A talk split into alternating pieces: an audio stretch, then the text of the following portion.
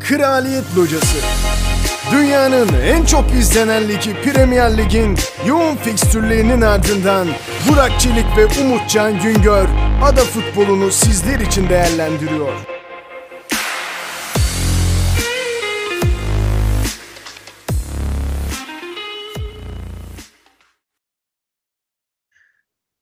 Adı futbolunun nabzını tuttuğumuz Kraliyet Locası'na hoş geldiniz. Üçüncü bölümde Premier Lig'in üçüncü haftasını konuşacağız. Her zaman gibi Liverpool, Chelsea, Manchester City, Arsenal, Manchester United, Wolverhampton gibi önemli maçlar, önemli mücadeleler oldu. Bu heyecan dolu haftada hemen Liverpool-Chelsea maçıyla başlayalım istiyorsan abi. Bence de direkt başlayalım abi. Çok güzel bir maç oldu. Yani en azından seyir zevki olarak çok gol olmasa da birer gol karşılıklı. Ama ben çok keyif alarak izledim maçı. Özellikle ilk yarısı bence çok güzeldi maçın. Sen ne düşünürsün bilmiyorum ama. Aynen. İlk yarı ilk yarı güzeldi. Zaten kırmızı karta kadar maç benim beklediğimden daha iyiydi. Kesinlikle. Hani tahminimden daha zevkli bir maç oldu. Çünkü hani iki takım birbirini yenmeye çalışmıyordu. İki takım birbirini ezmeye çalışıyordu resmen. Değil mi? Çok böyle şey oldu yani. Her kalede pozisyon gitti geldi böyle bir kim atacak edecek falan. Ama tabii Aynen. ki e, sezon başında böyle ben pek inanmadığım bir isim olsa da geçen seneki başarılarından dolayı Tuhel yani çok şaşırtıyor beni. Hani diyecekler ki dinleyenler ya Tuhel de seni şaşırtıyor mu? Ben yani gerçekten bu kadar üst düzeye çıkarabileceğini düşünmüyordum Chelsea'yi. Özellikle geçen seneki Lampard'dan hatırlarsın abi yani Havertz'tir, Aynen. e, Werner'dir hani aldığı performans belli. Ya bu sezon takım gerçekten çok acayip oynuyor. Ya öyle zaten geçen sezon Lampard önünde asla umut vaat etmiyorlardı yani. Acaba overrated mılar gibi falan da düşünüyordu bu Havertz olsun, Werner olsun. Ama Tuchel önce geldi Şampiyonlar Ligi'ni aldı. Şimdi o bayağı bildiğin takıma oyun yapısı kurdu yani. Kendi taktiğini, kendi e, bilgilerini takıma yansıtmaya başladı. Artık sahada çok belli oluyor. E, kırmızı karta kadar da zaten Chelsea aslında bir tık daha iyi olan taraftı sanki. Ya bir tıktan fazlaydı bence hatta. Yani mi? şey değil, senle maçı izlerken de konuştuk. Bu hani ön alandaki baskı özellikle. Ya Liverpool'u ben uzun zamandır bu kadar top çıkaramazken hiç görmedim. Virgil van Dijk sakatkenki hali dahil yani. Aynen kesinlikle Liverpool zaten e, bence orta sahada bir dinamizm eksikliği var gibi. Zaten maçta şey oldu. Hani orta sahalar yoktu. İki tarafta bildiğin orta sahalar geçiyorlardı. Hiç direkt Evet, e, geriden ileriye topları şişirdiler ya da paslaşarak hemen e, driplinglerle geldiler vesaire. Ve bu durumda orta sahalar aslında e, yeri geldi defans, yeri geldi forvet oldular. Ve bence bu bahsettiğimiz sekans için konuşuyorum. Bu sekansta Liverpool orta sahası bence biraz sınıfta kaldı. Kesinlikle. Ya Jordan Henderson mesela bir gol pozisyonuna girdi. Hatırlarsın Trent Alexander-Arnold'un attığı bir topta. Ee, hani dediğin gibi gerçekten forvet gibi oynuyorlardı ama arka tarafta çok açık verdiler. Özellikle de kornerde de uyuyunca ki Tuchel'in takımına karşı da 1-0 geriye düşmek bence bu dünyadaki en büyük eziyetlerden birisi. Kesinlikle Ee, abi. Eğer ki o Rhys James'in 2010 Su- Luis Suarez e, vari bir el müdahalesi olmasaydı ki bence orada da tartışılacak bir pozisyon. Yani penaltı mı değil mi? Ya Aynen, bence de. kurallar tam ne ne ifa yani şimdi kurallar öyle bir şey ki her sene kural değişiyor. Ben de şimdi izlerken dedim ki e, vücuttan sekmiş eline değmiş şimdi normal şartlarda o şey vardı ya böyle bir kollarını yana açınca yukarıya kaldırırsan el ama aşağıdayken el değil falan böyle bir şey çıktı. Hani şimdi bakıyorum vücuttan sekmiş. E kolu da aşağıda doğal pozisyonda. Tamam çizgi üzerinde oluyor ama orta sahada bu bir el olmazdı bence. Yani bence de. Yani orada hani hakem de böyle çok kendinden emin gitti baktı direkt verdi. Ben çok şaşırdım izlerken. Hani yani tamam ben kır- kırmızı kartsa eğer o penaltıysa kırmızı kart ama penaltı mıydı? Orada çok soru İşte. işareti yarattı bende. Ki bence zaten Liverpool o penaltıya da ulaşamasaydı o 1-0'ı çok zor çözerdi. Kesinlikle çok zor çözerdi. Bir de şimdi Rhys James, e, Rhys James demişken şunu atlamak istemiyorum abi. Biraz konuyu değiştiriyormuşum gibi olacak ama biz kimi övdüysek hani haftada bu hafta övdüğümüz oyuncu bu olsun dediğimiz hafta diğer hafta böyle hemen takımı yarı yolda Antalya'yla bırakıyor. başladık değil mi? Hep de sağ beklerde. Biraz Aynen öyle. kötü. Evet, evet. Bu hafta bakalım kim e, övüp sonrasında sıkıntılı çıkacak. Var mı bir sağ bek aklında diyormuşum. Sa- sağ bek yok ama sağ kanat var abi. Uyar mı? Uyanıyor tabii ki. Sağ taraftan yıkmaya devam ediyoruz. Bu arada aynen e, konuyu dağıtmayalım. Rhys James'in e, kırmızı kartından sonra yine penaltıyla o şekilde hani toplayabildi Liverpool. Ya evet çünkü Yani özellikle bir konsantrasyonu arttı takımın yani. Özellikle bir de ilk yarıda o Firmino tercihi bence çok kötü bir tercihti. Ya hiç oynayamadılar Aynen. Ya biz zaten seninle geçen hafta da dedik ya o Firmino eski Firmino değil. Bir türlü veremiyor o etkiyi diye.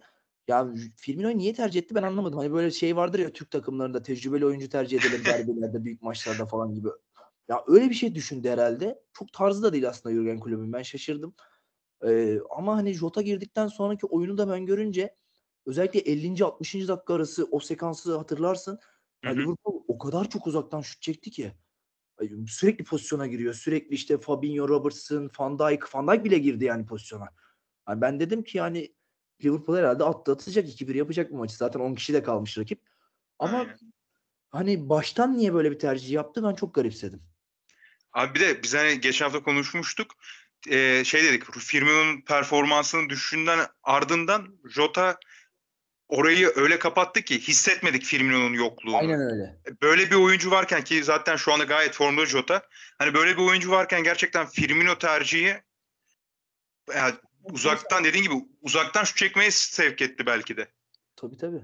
Yani Liverpool'un şöyle bir organize hatağını ben çok hatırlamıyorum açıkçası. Hep böyle bir uzaktan şutlar birazcık belki de e, Chelsea'nin o kapalı oyununu da çözebilmek adına da özellikle de yapmış olabilirler. Bunu tabii daha farklı yorumlamak da gerekir belki teknik açıdan ama e, hani özellikle 50-60 arası Liverpool muhteşem oynadı.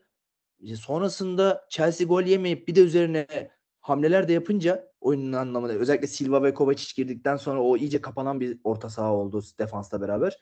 Ee, 60'tan sonra Liverpool'un hani hiç pozisyonu da olmadı. Bir müdahale de gelmedi. Yani böyle bir sanki iki tarafta bir puana razı gibiydi ben izlerken 60'tan sonra. İki taraf da razı gibiydi. Aslında Chelsea bir ara şeyi yokladı. Hani acaba ikiyi yapar mıyım? Çünkü Liverpool çok gözü kara oynamaya başladı bir yerden sonra. Tabii. Halbuki orta sahanın performansı kötü olmasına rağmen çünkü Harvey Elliott e, oyundan alınmaması da çok eleştirildi aslında taraftarlar tarafından. Evet. Böyle bir noktadan sonra Chelsea de bir zorladı. Acaba iki olur mu? Ya onu da konuşmuştuk ya seninle. Harvey Elliott bakalım büyük takıma karşı ne yapacak diye. Aynen aynen. Test maçı Ya biraz- demiştik. Biraz böyle şey oldu. Ee, bence güzel oynadı yine. Efektif de oynadı. Çok da zaten yetenekli bir çocuk ama sanki biraz eksik kaldı orada. Özellikle Kante, Kovacic değişikliğinden sonra 45 dakika Kante, 45 dakika Kovacic yiyince hani birazcık böyle afalladı gibi hissettim ben de senin dediğin gibi. Ya bence iki sebebi var Elliott'ın e, afallamasının. Birincisi e, yanındaki oyuncuların da dediğimiz gibi hani çok istedikleri performansa yakın oynayamamaları. Hem de bence öyle bir tempodaydı ki maç. Elliott bir anda bu tempoya ayak uydurması bence çok zor yani. Tabii tabii tabii. Yani geçen hafta Norwich hani şey ilk hafta Norwich hani o, o tip takımlarla oynayarak geldi Liverpool buraya. İkinci haftada Burnley ile oynadılar. Hani oralardan sonra Chelsea orta sahasıyla mücadele etmek çok bence büyük bir challenge ya. Onun için. Zaten şu an belki de en ayağı yere sağlam basan orta saha Chelsea'nin orta sahası yani. Evet abi. Seninle konuşmuştuk ya bunu hani 3 orta Aynen, sahası aynen. var. Yani 2 orta saha oynatıyor ama öyle bir 3 orta sahası var ki hani 6 kişi 6 kişilik rotasyona bedel şey olarak. Kesinlikle öyle. Ya Yani bir de sağ sağ içinde abi bir de şey hani orta sahada bu iki oyuncu gözüküyor ama hani yandan Marcos Alonso ile Reece James de öyle bir katkı veriyor ki daha sonrasında Havertz ile Mason Mount orta sahadan ileriye köprü kuruyor. Orta saha sanki bütün oyuncular orta sahadaymış gibi oluyor. Tam böyle 3-6-1 oynuyorlar aslında. Aynen aynen tam olarak öyle aslında. Evet. Yani şey gözüküyor hani böyle kanat forvet gibi gözüküyor aslında Mason Mount'la eee şey. Havertz. Havertz, Kai Havertz. Mas- Mason Mount'la Kai Havertz kanat forvet gibi oynuyor belirttiğimiz gibi hani taktiğe baktığımızda ama o kadar çok geriye geliyorlar ki o böyle ikiliyi dörtlü yapıyorlar. E Bir de dediğin gibi Reece James'le Marcos Alonso da öne çıkınca bayağı bildiğin sapasağlam bir altılı oluyor orada. Zaten üçlüye gerek kalmıyor aslında arkadaki. Yani o kadar çok zaten önde karşılıyorlar ki rakibi.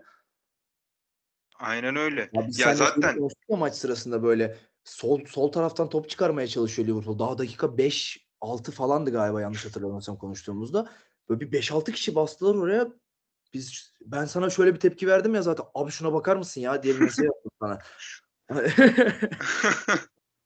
ya cidden ya zaten şöyle bir şey var. Ee, bu günümüz futbolunda günümüzün taktik anlayışlarında 11 oyuncunun yani kaleciyi saymayalım 10 oyuncunun beraber her pozisyonu beraber oynamasını bekliyor teknik direktörler Aynen ve bence bunu Chelsea en iyi yapan 2-3 takımdan biri yani. Kesinlikle artık yani o böyle eski devir koşmayan on numara falan çok kalmadı ya. Özellikle Chelsea gibi takımlarda. Aynen öyle. Biraz belki Firmino'da sorun yaşamasının sebebi de bu olabilir. Yani Firmino biraz böyle koşmayan tarzda yani daha doğrusu hafifçe geriye gelip kanatlarına pozisyon yaratmaya çalışan bir orta sahadan bozma sahte 9 gibi forvet olduğu için biraz belki oradan dolayı sıkıntı yaşamış da olabilir Liverpool. Aynen muhtemelen çünkü Jota gerçekten çok fark ediyor artık. Hani gözde görülür bariz bir fark var artık Firmino ile Jota Enerjisi arasında. fark ediyor bir kere ya. Yani kesinlikle enerjisi fark ediyor. Bir de bence hani şu an e, saha içindeki diğer oyuncular da Jota ile daha iyi anlaşıyor yani. Yani daha seviyorlar gibi geliyor bana. Bilmiyorum. Değil mi? Böyle bize yani ekranda böyle bir his oluşturuyorsa zaten bence Klopp da bunun farkındadır ama neden acaba Firmino'yu tercih etti? Böyle riske etti. Böyle önemli bir maçta onu anlamak güç. Ya imkanımız olsa sorsak keşke. Aynen. O zaman peki abi anlaması güç başka bir konuya geçelim. Geçelim abi hemen. Bu anlaması güç başka konu yine Manchester United'la alakalı. Hadi bakalım. Hiç hiç bitmiyor derdi Manchester United'ın. Yani Fred'in gerçekten bu kadar geçen sezon kariyerinin en iyi sezonuydu belki. Bir anda tekrardan 2-3 sezon öncesinde dönmüş olması ve takım resmen sahada 5 kişiymiş gibi gözüküyor Fred'in hataları yüzünden. Ya ben şey tercihini de anlayamadım. Fred zaten böyle bir orada e, sos veren birisi. Hani sıkıntı yaşatıyor yani takımı. Bir de onun yanına Pogba çekmek ne kadar mantıklı onu da anlayamadım tam olarak. Böyle biraz Fred'i sanki o da kötü gösterdi gibi. Ya bence şöyle bir şey de var. Ee, Pogba'nın eğer orta sahanın ortasında oynuyorsa onun yanındaki oyuncu Pogba'nın pisliğini temizlemeli. Tabiri caizse. Aynen Yani öyle. çünkü Pogba gelip defansta e, en fazla yapabileceği şey topu kazandığı zaman ileri çıkarmak. Gelip defans Aynen. yapan, kademeye giren, müdahale eden bir oyuncu değil. Yapısında bu yok Pogba'nın yani. Ya bu adam Mecburen zaten hani hiç böyle oynamadı. evet hiç hiç gerçekten United yani United öncesi de öyle. Da hani Mourinho zamanında da bu adam hiç böyle Fred gibi bir adamla ikili orta saha oynayıp da orayı temizleyelim, toplayalım dediğin gibi hem defansif orta saha hem ileriye dönük orta saha, pasta atayım falan böyle bir adam değil zaten bu. Hani bunu Kesinlikle görmek için de 3-4 sene Manchester integrallik yapmaya gerek yok. Bilmiyorum neye ısrar ediyor onu da anlayamadım tam olarak Ole, Ole'nin ama Ya şöyle bir şey vardı abi. McTominay e, sakattı. Pelvis sakatlığı gözüküyor. Muhtemelen biraz da e, mecbur kalmış olabilir ama ben yine bu mecburiyeti anlamıyorum. Yani bu takıma Van de Beek neden transfer edildi?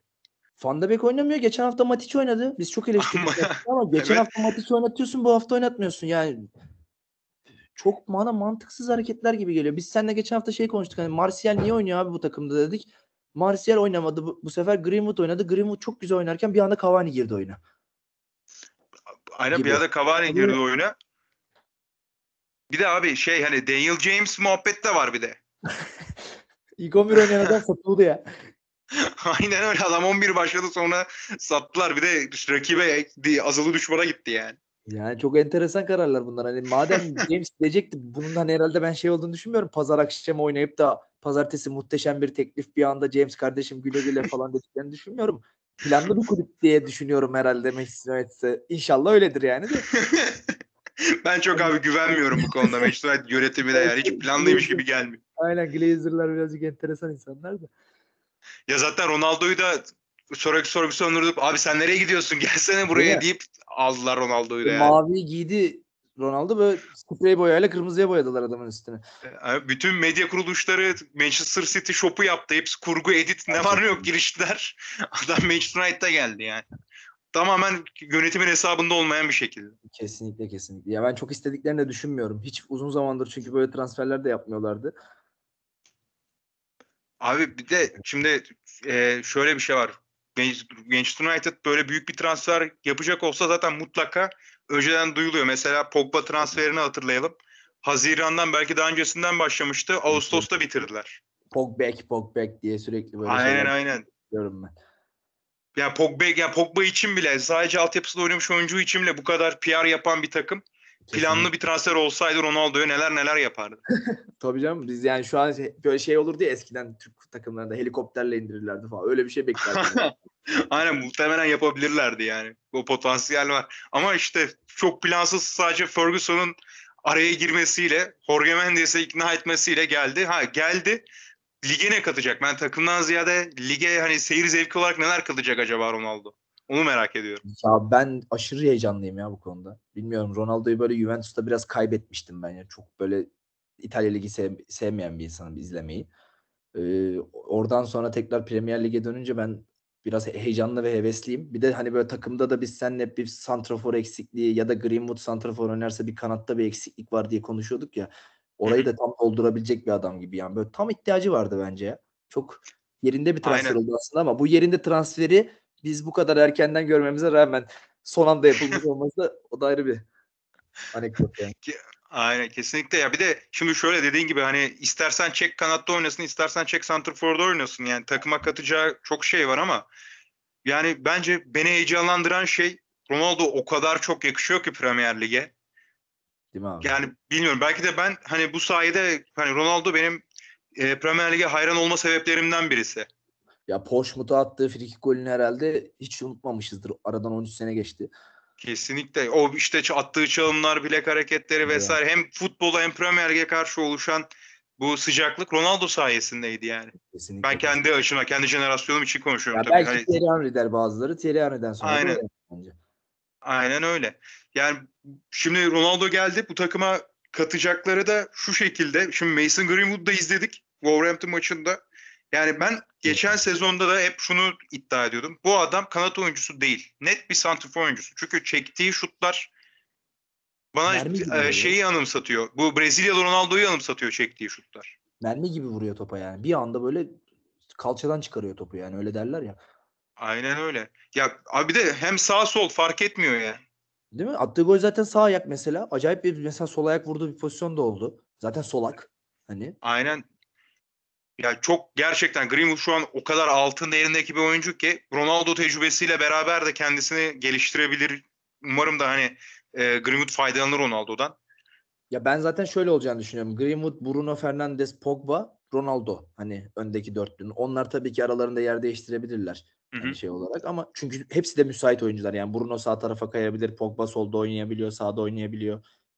Keza Greenwood her tarafta oynayabiliyor. Hani onları muhtemelen çok rotasyonlu bir dörtlü olurlar ama çok beni heyecanlandıran bir dörtlü. Aynen çok heyecanlandırıyor. Bir de şimdi şöyle bir hale aldı artık United'ın kanatları. Daha Rashford var. Bundan sonra şimdi Sancho kötü oynadı belki maçta beğenilmedi ama Sancho da eğer e, Dortmund'daki günlerine geri dönecek bir performans gösterirse bu da soru işareti. Aynen öyle.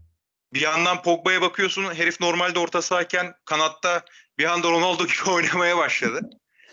Ya Yani bambaşka bir hal aldı. Ondan birazcık ona güvenmemek gerekebilir ya. Ya tabii canım. Evet. Ya şimdi zaten bence şunun olması zorunlu. Hani orta sahada Fred'le, McTominay ve Matic'le uzun vadede gidemiyorsun. Bu belli. Kesinlikle. Pogba'yı mecburen monte etmen gerekiyor orta sahaya ama yanındaki isim artık Van de Beek mi hazırlanmalı oraya? Ya Van de Beek'te ben ısrarcı davranmaları gerektiğini düşünüyorum ama McTominay de bence orası için yeterli sakat olmadığı sürece. Ya zaten McTominay aslında bu de- de- demin dedim ya ben e, pisliğini toplamalı Pogba'nın diye. Aynen öyle. Ya McTominay bence bunu en iyi yapabilecek oyuncu şu anda takımda. Ya hem onu yapar bence McTominay hem de bu maçta fark ettin fark etmişsindir yani. Varan da savunmaya girmesine rağmen o savunmadaki zafiyet bir türlü düzelmedi. Yani Varan'ın ilk maçı olmasına veriyorum ben. Biraz daha bence toparlayabilir orayı ama o böyle Manchester United'ın savunmasında böyle bir anda 3 kişi yakalanması, 2 kişi yakalanması falan geçen senelerde de oluyordu bu zaten. Bu sene de bu maçta da gördük. Hani orayı bir, McTominay tarzı bir oyuncu orayı da toparlar gibi geliyor bana. Abi ya McTominay toparlar de şimdi şöyle bir şey var Varan konusunda. Yani ne olursa olsun ilk maçı yani sen de dedin ilk maçına veriyorum dedin zaten. Ee, yanındaki oyuncular profilleri çok farklı. Mesela Van Bissaka hızlı bir oyuncuyken yani sağ tarafta hızlı bir oyuncu varken sol tarafında ağır iki oyuncu var. Aynen öyle. Ya bir yanda adam kendi mevkisini bırakıp yine Maguire tarafına gitmeye çalışıyor mecburen. Ki bir pozisyon var abi şu an dakikasını falan hatırlayamıyorum. Dinleyenler de kusura bakmasın. Ee, geldi tam David De Gea'nın önünden topu temizledi. Az kalsın oradan dar açıdan golü atacaklar. Atacaktı Wolverhampton. Varan son anda kendi mevkisini terk edip kendi pozisyonunu terk edip geldi Evet. kademeye girdi ve topu uzaklaştırdı. Yani Maguire'ın normalde temizlemesi gereken toptu yani. Maguire'ın tarafından çok pozisyon verdiler. Maguire'ın tuttuğu adam vardı mesela Sayıs. Ee, Aynen. eskiden orta sahada şimdi stoper oynuyor da Wolverhampton'da. O mesela yani Vole vurdu. Altı pastan De Gea'nın üzerine vurdu topu. Birkaç pozisyona daha girdi. Yani sürekli ben hani izlerken diyorum ki ya yine sayıs pozisyona girdi. Yine Maguire'ın adamı. Dediğin gibi sürekli varan oraları toparlamaya çalışıyor. Hani Maguire'la ne kadar uyum sağlayabilirler? O bende biraz soru işareti yarattı. Ama tahmin ediyorum ki Varan birazcık toparlayacak orayı. Aynen. Varan zaten çok büyük bir e, eli değecek defansa. Zaten belli etti Bence. aslında bu maçta gördük yani. Bence de bence de. Ya yine en azından hani Manchester United taraftarların içi rahat olsun. Lindelöf Maguire ikilisinden daha iyi her türlü. Maguire Varan ikilisi yani. Bence de abi. Ama kesin. ya şunu da şunu da söyleyeyim. Bu maçta United taraftarlarını mutlu gördüysek bunun sebebi 1-0 kazanmış olmaları değil ya da rekoru kırmış olmaları değil. Sonunda gerçek bir stoperin olması. Değil mi? Abi kesinlikle öyle. Bir de biz mesela ilk bölüm şeyi de konuştuk. Hani Deya formayı kaybeder mi, kaybetmez mi, Anderson alır mı, almaz mı? Deya resmen sus, susturdu bizi yani. Çok güzel oynadı ya. Gerçekten. Herhalde bir e, 3-4 net pozisyon kurtardı. Özellikle o az önce belirttiğim sayısın pozisyonunda. 6 pastan top çıkardı ya direkt. Aynen arka arka iki tane çıkardı Evet. orada. Kariyerinin en iyi kurtarışlarından birisi falandı ya. Bence de. Çok iyiydi yani. Yani ikimiz de uzun süredir Premier Lig takip ediyoruz. Hani çoğu Evet. maçını izledik Deya'nın. Di- dinleyenlerimiz de hani hak verir ki Deya'nın en iyi kurtarışlarından Bak. birisiydi. Eğer böyle haftanın kurtarış falan seçeceksek bu hafta buna oy verelim. Değil mi? Evet bence de bence de. Yani bir de böyle son 3 sezondur özellikle De Gea çok düşüşteydi. Hani o hep konuştuğumuz konu zaten bu seninle. Ona da böyle bir şey oldu. Yani bir özgüven aşıladı bu maç. Ben yani çok olumlu milli maç arasından sonra çok olumlu hissedeceğini düşünüyorum bu özellikle bu maçtan sonra. Kesinlikle moda girdi. Zaten Ronaldo'nun gelmesiyle beraber ayrıyetten takımın bir moral motivasyonu arttı. Bir de şimdi bu performanslarda e, ortaya çıkınca şu anda en azından motivasyon olarak tavan seviyede Manchester United. Bu sene o sene abi. Ben söylüyorum. Aynen. Ben de zaten ilk hafta demiştim abi. Aynen. United ya Chelsea Ronaldo, demiştim. yok, Ronaldo yokken dedik yani biz. Aynen. Daha Ronaldo yokken dedik yani iddialıyız yani. Aynen Bakalım öyle. ne olacak. Sezon sonu göreceğiz ama bu arada Cavani muhabbeti de var. Hemen ona da kısaca değinelim. Şimdi Ronaldo da geldi. Hani kanatlar da zaten farklı bir hale aldı dedik. Cavani ne olacak? De geçen sezon sonundaki performansı ne düşünüyorsun bu konuda abi? Ben gidecek diye düşünüyorum ya. Biraz böyle bir haberler de okudum bununla alakalı. Hı hı. Ee, İspanya'ya gitmesi gündemde diye okudum. Bir böyle e, İtalya ile alakalı bir haberler okudum. Juventus tarafıyla alakalı falan ama Moise Kean haberinden sonra bence çok gerçekçi gelmedi bana. Ama muhtemelen bence özellikle Mason Greenwood'un da iyi performansı, Rashford'un sonradan dönecek olması, galiba iki ay sonra falan dönecek Rashford. Ee, onu da düşünüyorlardır diye tahmin ediyorum. Ee, bir de Ronaldo'nun gelişiyle beraber bence Cavani'ye yer kalmadı ya. Bir de 7 numara da boşalsın Ronaldo alsın 7 numarayı. Aynen aynen. Ya zaten Ronaldo gelmiş artık bu saatten sonra 7 numarayı almaması. Galiba Büyük şeyden dolayı saçmalık alamıyormuş. Statüden dolayı alamıyormuş eğer Cavani gitmezse. Ama benim bildiğim yani benim bildiğim derken bu arada FM'deki bilgimden bahsediyorum. Son gün kaydediliyor yani numaralar. abi? FM'de öyle. yani forma numarasını ama bilmiyorum. İnşallah FM'deki gibidir abi. 7 numara izleyelim Ronaldo. Yazarız bu arada-. Aynen. Bir de şeyi de söyleyeyim bu arada dinleyenlerimize. Ee, biz şu an bu kaydı yaparken daha transfer sezonu bitmemiş durumda. Hani 31 Ağustos gecesi yapıyoruz biz bu kaydı. O yüzden hani gidebilir gitmeyebilir diye konuşuyoruz. Ee, ben de şeyi gördüm Twitter'da bu ünlü bir e, gazeteci var ya şimdi ismini unuttum. Romano muydu ismi? Şu an hatırlayamadım. Ee, hemen söyleyeceğim sana. Sen anlatmaya devam et abi ben söyleyeyim. Aynen. Tamam. Ee, dediğine oku yani attığı tweet'e göre United yönetimiyle yani teknik ekipte bir anlaşmaya varmış Cavani takımda kalacak. Ben öyle bir tweet okudum. Fabrizio Romano. Heh, aynen abi. Fabrizio Romano. Ki genelde bu herifin söylediği şeyler Tabii, %99 falan doğru çıkıyor. Ya takımda kalırsa zaten bu senaryoda gel cidden süre alması çok sıkıntı Cavani'nin. Bir de uyum da artık çünkü ilerideki yapı da değişiyor. Uyumu Ya nasıl ben olur? şöyle bir haberde okudum İspanya ile alakalı Cavani'de. Griezmann'ın Atletico Madrid transferi konuşuluyormuş. Barcelona'nın da gündeminde Cavani ve Luke de Jong varmış. Şimdi Luke de Jong'la Cavani'yi yan yana koyunca muhtemelen Cavani'yi tercih ederler gibi geldi bana. Yani daha akılcı duruyor. Yani o yüzden birazcık böyle Barcelona haberleri falan okudum. İspanya ile alakalı o yüzden öyle bir takım ismi vermeyeyim dedim de şimdi gitmezse falan diye. Ya en azından şeyi söyledik hani daha transfer sezonu bitmediğini söyledik Aynen. bu kaydı yaparken. Şu an biraz içimiz rahat. Şak diye Real Madrid formasını çıkar falan. Aynen.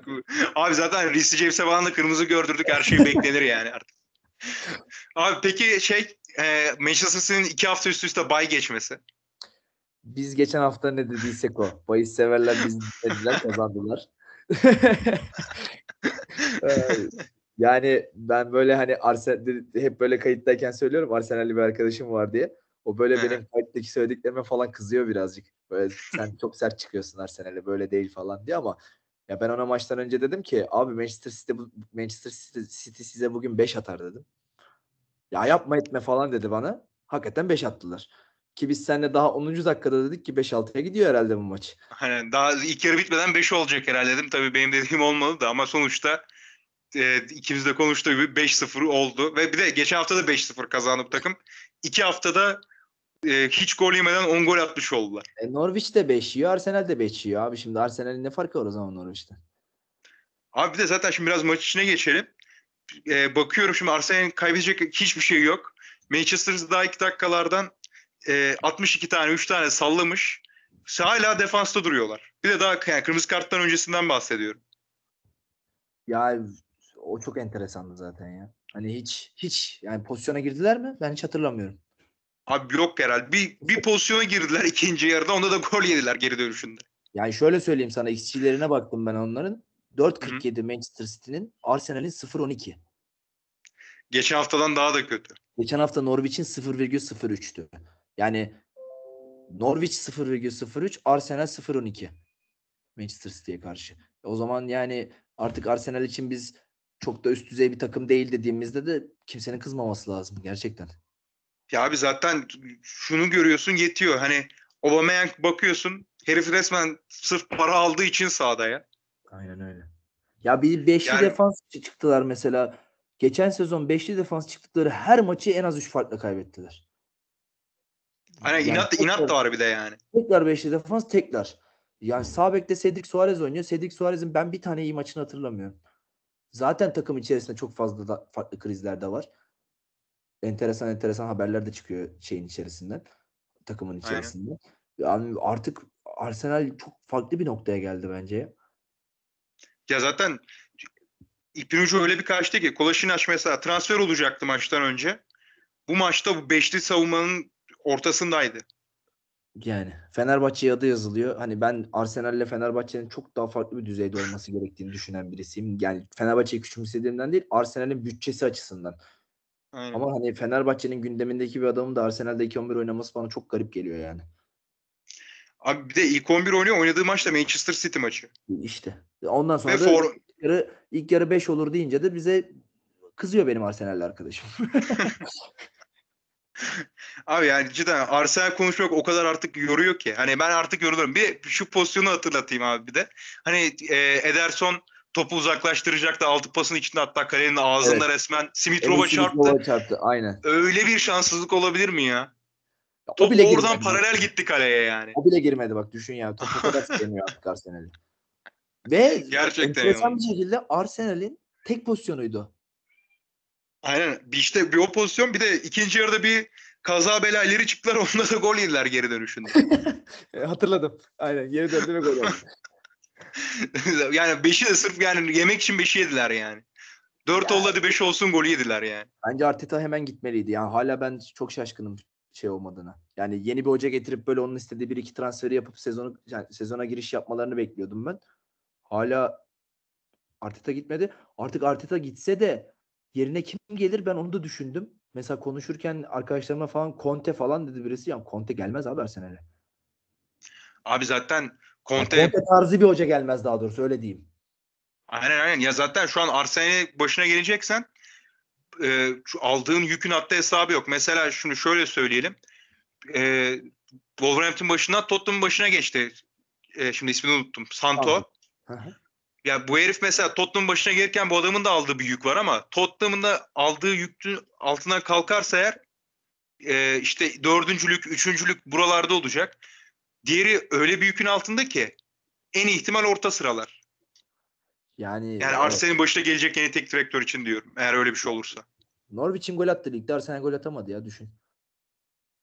İşte ya zaten öyle e, Wolverhampton'da da şu an aynı şanssızlık var. Zaten e, 1-0 geriye düştükten sonra onun krizine girdi oyuncular hepsi. Hatta Instagram'dan falan paylaşım yapmışlar. Yok fauldü bilmem ne. O da ayrı konu. Yani e, bilmiyorum bakın 2-3 takım var böyle. Cidden çok umutsuz vakalar şu anda. Bizdeler. Ben çok tehlikeli görüyorum Arsenal'in durumunu ya. Böyle hani Evet. biraz böyle sert çıkıyoruz ama ben gerçekten Arsenal'i de çok sevdiğim için böyle birazcık da şey yapıyorum. Böyle ben çocukken bayılırdım Arsenal'e.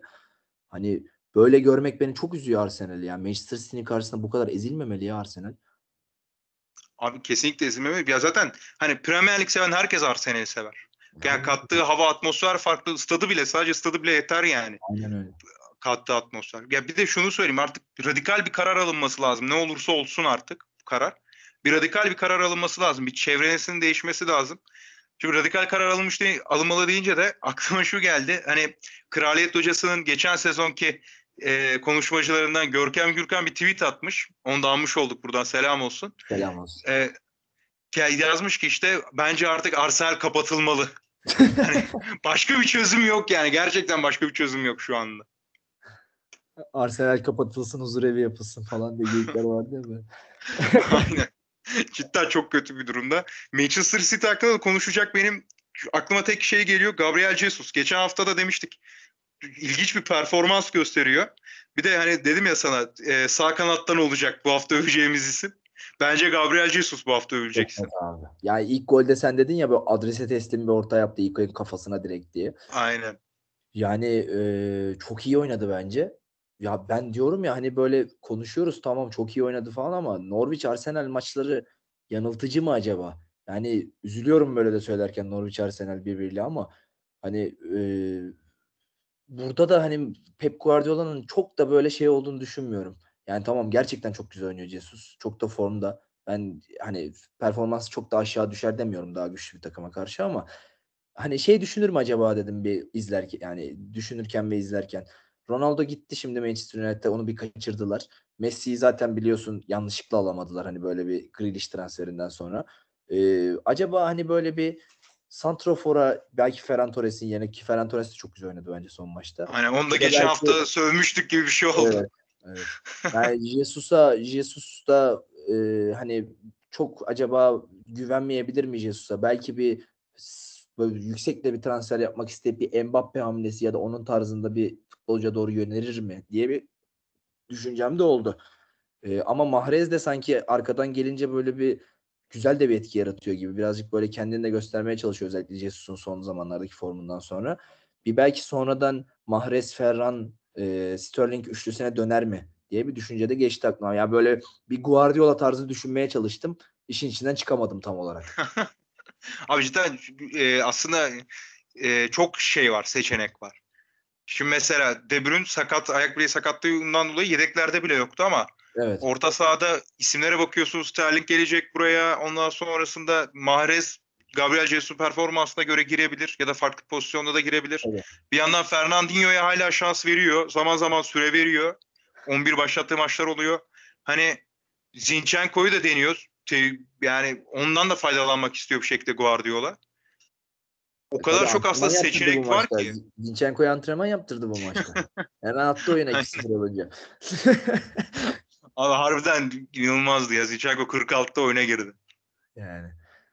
Bilmiyorum bir orada hani sanki böyle sadece alternatif bulamadığımız kısım santrafor gibi geliyor bana. Ferran'ı da santrafor oynatıyor. Jesus santrafor değil bence artık. Bu takımda düşünülmesi gereken. Ee, Aynen. oraya belki bir transfer olabilir? Bir Haaland sürprizi bekledim ben Manchester City'den uzun süre ama hiç oradan böyle bir haber de çıkmadı. Ses de çıkmadı. Bir Chelsea'ye yazdılar onu falan ama bakalım nasıl olacak. Ya Dortmund e, Dortmund bu sezon göndermeyeceğini söyledi ve bu konuda anlaştı Haaland'la sanırım. Hani Haaland'la anlaşarak bu karara vardılar diye biliyorum ben. Herhangi bir takıma gitmeyecek Evet, evet. Haaland muhtemelen bir sürpriz olmazsa ama hani oraya Harry Kane dışında başka bir santrfor gerçekten düşünemiyorum ama Harry Kane de Tottenham'da bu hafta 11 başladı. Ya onu alamadılar zaten ya evet. Aynen öyle bir bir de biz gene demiştik ki acaba nasıl ikna edecek Levi falan diye. Acaba nasıl ikna etti harbiden yani konu oraya geldi şu anda. Dediğin gibi Kane'den Tottenham'a bağlayalım. Ee, Aynen abi. Valla ben hani şey dedim ya sana o gün böyle gülerken Deli Ali defansif ne güzel oynuyor öyle kal falan diyecek hali yok dedim. Herhalde öyle deyip anlaştılar bilmiyorum. Abi ya öyle dedi zaten ya da dedi ki bayağı hani şeyi ikna etti. UEFA Avrupa Ligi'ni alırız bu sezon falan böyle hani. Avrupa Kupası artık konferansta Ya, mıydılar? şey Şu an vaat onu da ettikleri unuttum. kesin bence. Bel, yani şöyle bir şey de vaat etmiş olabilirler belki. Başarısızlık durumunda gelecek sezon transferine izin vereceğiz tarzında. A- Aynen o da olur. Ama Kane de yani artık yaşı da geldi ya Kane'in bence. Abi hani Prime'ı bitecek artık. Tabii baş- yani. yani vakit kaybedecek vakti yok bence. Bilmiyorum nasıl ikna olduğuna ben şaşırdım açıkçası. Ki çok da bariz bir Manchester City şeyi vardı yani imkanı vardı hani böyle orada büyük bir boşluk, bir ihtiyaç. Abi zaten Manchester, e, Manchester City forması giymek demek sezon sonunda en az bir kupa demek. Aynen Tottenham'da öyle. sen finallere gidemiyorsun yani. Ya en azından lig kupasını alıyorlar her sene. Aynen öyle yani. Kaçırmıyorlar. Ya en kötü Community Shield'ı oynuyorlar bir şekilde. Aynen öyle. Ya onun dışında zaten e, bakıyorum hani Kane bu saatten sonra başka bir takıma başka bir lige de gidebilirdi. Onu da yapmadı. Ya Üzülüyor insan bir yerde. eğer bu sezonu iyi geçiremezse ben Tottenham'da tamamlar diye düşünüyorum kariyerini. Hani böyle bir bayrak adam gibi ama herhalde bu zamanları da unutmayız. Böyle bir şey gibi hatırlarız bunu. Totti'nin bir Real Madrid'den dönüşü vardı ya böyle kapısında. Hı hı. Onun gibi hatırlarız gibi geliyor bana. Olabilir. Bir de bayrak adam demişken abi bence West Ham'ın da bir bayrak adamı var şu an ya. Fakir Lukaku'su var yani West Ham'ın da. Bugüne bugün. Michel Antonio. İnanılmaz. Ne diyorsun Antonio için? Ya ben böyle bir performans uzun zamandır hiç hatırlamıyorum dedim. Sonradan da böyle bir Opta Joe'nun falan tweetlerine baktım. Kesin güzel şeyler yazmışlardır diye. İlk 3 maçta gol atan yani ilk 3 maçta 3 gol at- yani böyle birer birer birer şeklinde hani her maç bir gol atan iki oyuncu varmış şu anda Premier Lig tarihinde. Birisi Thierry Henry 2004-2005 sezonunda. Birisi de Didier Drogba 2010-2011. Yani o kadar ikonik adamların yanına yazdırdı ki kendini. Çok Ya- üst düzey bir performans. Abi bir de hani mesela orta sıra takımlarının ya da e, Avrupa'ya oynayan takımların böyle zaman zaman oyuncuları çıkar. e, farklı performanslar gösterip dikkat çekerler. Ama Antonio farklı performanstan göstermek ziyade yaptığı iş hani gol atmasından bahsetmiyorum sadece. Topu alması, Değil mi? arkadaşların izlemesi, takip etmesi, sonrasında topa vuruş şekli ise hani topa e, vurma şekli bile bir farklı geliyor insanın gözüne. O yüzden Golü- fakir Lukaku'su diyorum yani. Golü çok güzeldi. Sol ayakla attığı gol çok Aynen. iyiydi. İnanılmazdı abi. Çok iyiydi Çok gerçekten. Bir de böyle hani Fornals'e yaptığı asiste de böyle bir verdi aldı verdi aldı. Çok yani ben çok hoşuma gitti. Yani ben mesela izliyordum maçı. E, topu verdiğinde Fornals ona kesin kaleye vurur dedim. Yani normal bir santrafor %100 kaleye vurur. Tabii orada birazcık da onun kanat bozma bir santrafor oluşunun da etkisi de var. Hemen böyle bir Fornals'e müthiş bir top çıkardı. Çok çok güzel bir gol attı. Orada da ekstra bir detay daha gördüm. Kulübün de ilk 3 maçta asist yapan teker teker yine her maç. E, hani böyle 3 asist değil yani. E, ilk oyuncusu olmuş tarihteki açılış maçlarında. Ya, müthiş. Ya böyle kendini tarihe yazdırdı ya resmen şu an. Aynen. Hani geçen hafta da dedik ya en çok gol atan oyuncusu oldu. Bu hafta başka bir istatistik Premier Lig tarihine yazdırdı. Hani belki devamlılığı olmayabilir bu performansın. Böyle çok hani özellikle e, orta sıra takımlarda genelde böyle bir oyuncu parlar senin dediğin gibi bir süre sonra performans normalleşir ya. Yine de biz bence e, Michael Antonio'yu burada şeyi hatırlarız. Çok e, güzel bir performans hatırlarız bence. Aynen. Abi de 9 numarayı falan da aldı. Adam girmiş ya şeye. Moda Ka- girdi kafaya ya. girmiş yani. Ya bu sezon bir ondan şey performansı bekliyorum böyle geçen seneki Patrick Bamford, Oli Watkins falan. Aynen aynen. Ya zaten şu an kesin e, pre- şey Fantezi Premier Lig oynayanların kadrolarında vardır çoğu kişinin. Ben hemen söyleyeyim sana. Birinci sırada şu anda en çok puan alan 40 puanı var. En yakını 30 Değil mi? puan. Öyle söyleyeyim sana. En Ya çok ben şu an aktif oynamıyorum ama yani tahmin ettim. Çünkü cidden şu an en fazla dikkat çeken isimlerden birisi. Direkt açık Ee, ara ve yani şu anda. Aynen. Ya bir de West Ham şu an takımından dolayı aslında az konuşuluyor. Hani e, Big Six'teki takımlardan birisinde olsa mesela atıyorum en kötü ihtimalle Arsenal'de olsa hani daha sık konuşurduk Antonio. Cidden önemli bir performans gösteriyor. Önemli bir performans demişken de abi müthiş bir gol vardı bu hafta. Ben e, hani haftanın golünde direkt Buendia'ya atıyorum oyunu. Yani olur olmaz zaten dedin ki bana bu haftanın golü abi. Aynen. Çok Ya yani ölçtü dönüşü- biçti attı der ya spikerler. Dönüşü, topu alışı, vuruşu falan yani mükemmel ya. Tam bir Arjantinli golü. Aynen aynen aynen. Çok Kesinlikle. hoşuma gitti izlerken. Çok beğendim. Ee, Tony de gol attı orada. Çok sevindim ona da. Evet Tony'nin gol abi ben Tony'nin golünde zaten direkt sana yazdım senin adam gol attı diye. ya ben onu çok Seni... seviyorum. Gerçekten şampiyonşipleri çok takip eden birisiyim ben. Çok sevindim böyle onun da gol atmasına. İnşallah çok atar. Aynen ve bir de hani Brentford'da bu arada ilgi çekmeye devam ediyor. Çünkü golü atma şekilleri de çok iyiydi. Yani lige yeni çıkan bir takım için o kadar organize bir şekilde gol atmak güzel ya geliyordu bu, göze yani. Bu stabil performansla yani bu performans böyle stabilize ederlerse bence net şekilde ligde kalırlar. Ben net abi. Şu an zaten düşmeye çok aday var. Şu an Tabii, yani, yani bu 3 haftada itibariyle. Bence Norwich daha 3. haftadan bence düştü. Yani çok bir mucize olmazsa. Zavallı Ozan Kabak da yani. yine düşecek takıma geldi. Ya Ozan Kabak'ın tercihi çok değişik geliyor bana yani Schalke Liverpool'u bir denedi bence çok doğru bir tercih Liverpool ama orada kalamayış çok garibime gitti benim. E, şu Stuttgart'la başlamıştı zaten o da düştü. Aynen. E, şimdi Norwich'i düşürecek. Yani böyle bir adı çıkacak gibi geliyor bana birazcık. Zaten böyle bir hemen İngiliz şeylerinde Twitter sayfalarında falan dönmüş o böyle. Ee, Ozan Kabak yine düşen tabak şirketleri tercih ediyor. İşte üçüncüyü de, de düşürecek falan gibi. İyi Liverpool düşmedi geçen sene. Aynen Liverpool yani zaten önceki se- sezonlara göre düştü. Ama yani Ozan Kabak gerçekten yani Kabak onun başına kalıyor gibi bir şey yani. Gerçekten ya. Ya o birazcık böyle hani Norwich'ten sonra bir Türkiye'ye dönecek gibi hissediyorum ama. Aynen. Ya ben zaten şaşırdım. Ben bu transfer sezonunda kesinlikle onu Türkiye'ye bekliyordum. Yani evet bir, bir böyle bir sene erteledi diyelim. Aynen. Bir biz şey dönemi Erasmus yapıp geri gelecek gibi oldu. Bakalım hayırlısı olsun Ozan Kabak için de. Bu hafta da abi maçında abi çok güzel bir pozisyon oldu. Onu da atlamayalım. Hani şey Hı, Tamam aynen aynen atlamayalım. Böyle şey kıyaslama şey bilgileri böyle hani birazcık tarihten böyle şeyler. Böyle, izlemeyen olmuştur diye tahmin ediyorum. Aston Villa Brentford maçı çok dikkat çeken bir maç olmadığı için.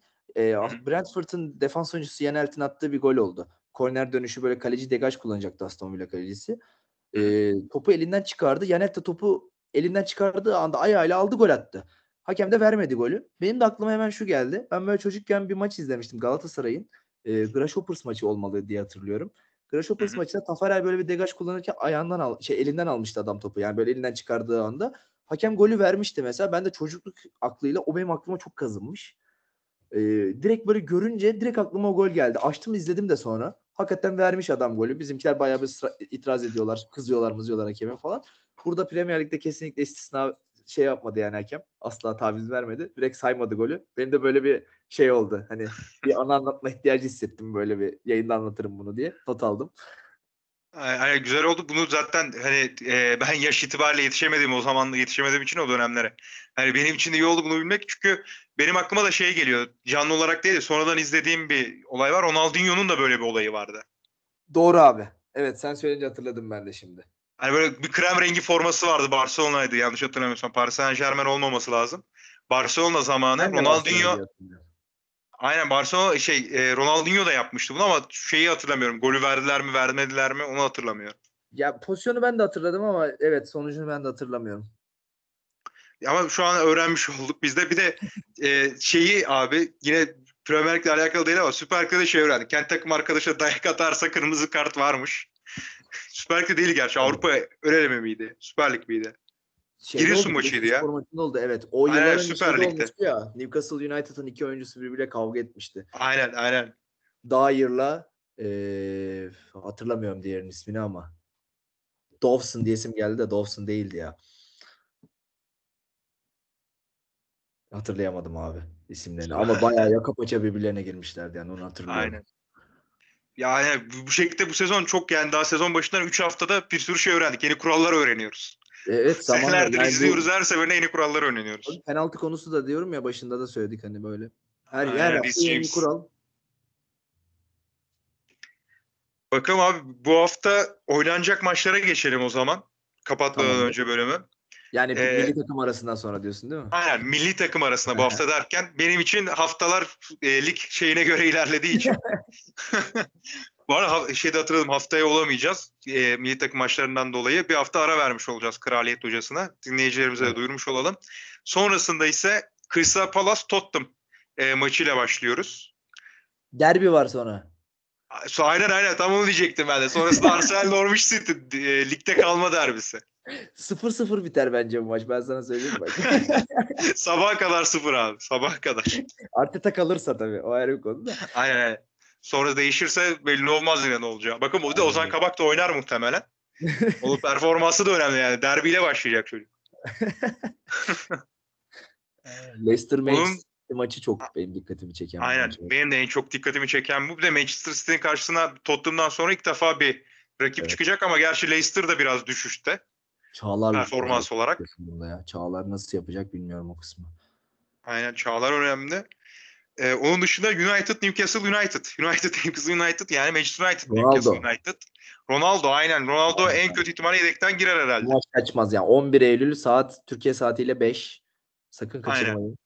Akşamüstü sularında böyle tam e, kerahat vaktinde uyumayın izleyin. Aynen abi kaçmaz. Uykunuz açılsın. Mis gibi mis gibi maç. Onun dışında yine Chelsea Aston Villa maçı da aynı şekilde çünkü Aston Villa şu an kurduğu kadroyla benim çok ilgimi çekiyor. Çok tatlı bir Chelsea'de zaten bakalım Reece James'iz ne olacak Chelsea o da var. Ee, o maçın oynanacağı gün. Kesinlikle. Onun dışında abi Leeds United Liverpool maçı da yine e, Güzel bir kapanış.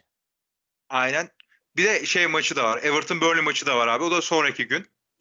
Ya öyle Oynanacak. Burnley, Burnley çok O çok kapanış ya. gibi değil. Evet. Aradan sıkıştırılmış gibi duruyor Everton Burnley Aynen maçı.